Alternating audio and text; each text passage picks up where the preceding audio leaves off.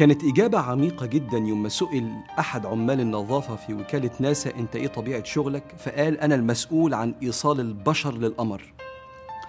هو قدر يرسخ جوه قلبه وعقله فكرة إن لولا عملي وتنظيفي للمكان ده ما توفرت بيئة صالحة للعمل والاختراع والإبداع. فربط شغلانته اللي هي بسيطة قدام الناس بمعنى كبير خليته كل يوم يجي الصبح في قمة النشاط. ودي أحد أهم وصايا أهل الخبرة. يقول لك اجعل لوظيفتك معنى. خلي شغلك ليه معنى أكبر من الشغل بس معنى أكبر من كده. كل ما تكسل وده طبيعي تفتكر المعنى الكبير ده يشجعك تكمل شغل.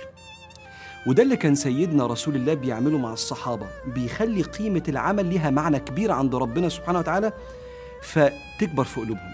يوم ما الصحابة جنب النبي عليه الصلاة والسلام شافوا راجل قوي كده ماشي في الشارع رايح شغله فقالوا لو كان هذا في سبيل الله يعني لو كان في الجهاد في الحرب فقال صلى الله عليه وسلم لعله يكد على أبوين شيخين كبيرين فهو في سبيل الله.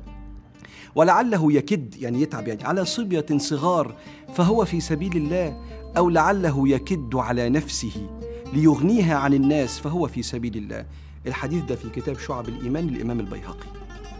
لو بيشتغل عشان يصرف على أبوه وأمه أو على عياله أو على نفسه ده في سبيل الله. تعرف الكلام ده؟ دخل كل حبايبنا وأهلنا اللي بيشتغلوا نازل من بيت راح يشتغل في طائفة المجاهدين في سبيل الله. ولا شك أن الجهاد أعلى مقام العبادات وهو ذروة سنام الإسلام بنص كلام سيدنا رسول الله. لكن الجهاد بيتغير شكله من عصر لعصر حسب متطلبات المرحلة. وواضح جدا إن بناء النفس حتى لا تحتاج إلى أحد وبناء الأوطان حتى لا نمد أيدينا للي بيكيد لينا من أعلى درجات الجهاد في هذا العصر. وده مش كلام ترغيبي حماسي عشان تحب الشغل ده المعنى النبوي المباشر الواضح في الحديث. سيدنا النبي عليه الصلاة والسلام ما شاورش على نازل يشتغل عشان يصرف على نفسه أو عياله أو أهله وقال فكأنما يجاهد. قال فهو في سبيل الله يعني ياخد نفس الحكم في الشريعة ونفس الثواب.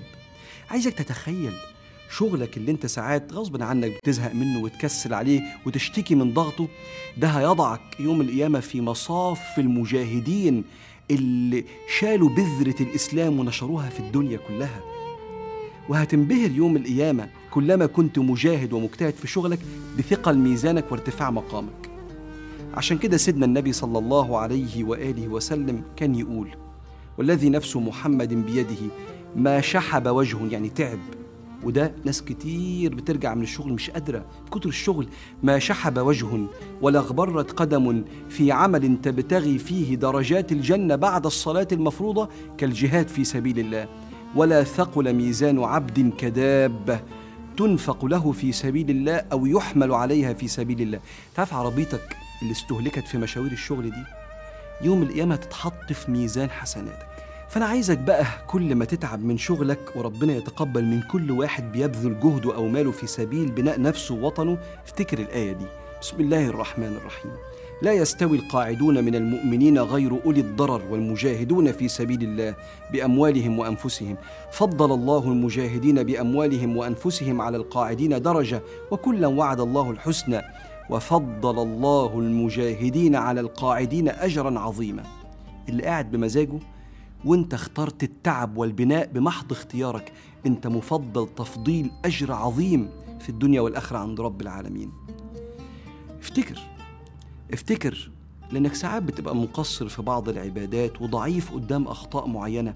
افتكر سيدنا النبي عليه الصلاة والسلام هو بيقول لك مغبره قدم عبد في سبيل الله إلا حرمه الله على النار اطمن. عبادة العمل هتشيل تقصيرك في بعض العبادات الأخرى اللي أنت مقصر فيها بس بوصيك بالفرائض. بوصيك بالفرائض عشان تيجي متزن بين يدي الله يوم القيامة.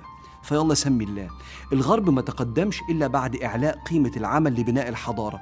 أنت اعلي قيمة العمل لبناء الحضارة وبناء الآخرة ونجاتك ورقيك لمصاف المجاهدين في سبيل الله يوم القيامة. فاللهم يا رب ارزقنا رزقا حلالا طيبا ثم بارك لنا فيه ومن علينا بالخشوع في الصلاة والدعاء وبالجد والإتقان في العمل والبناء.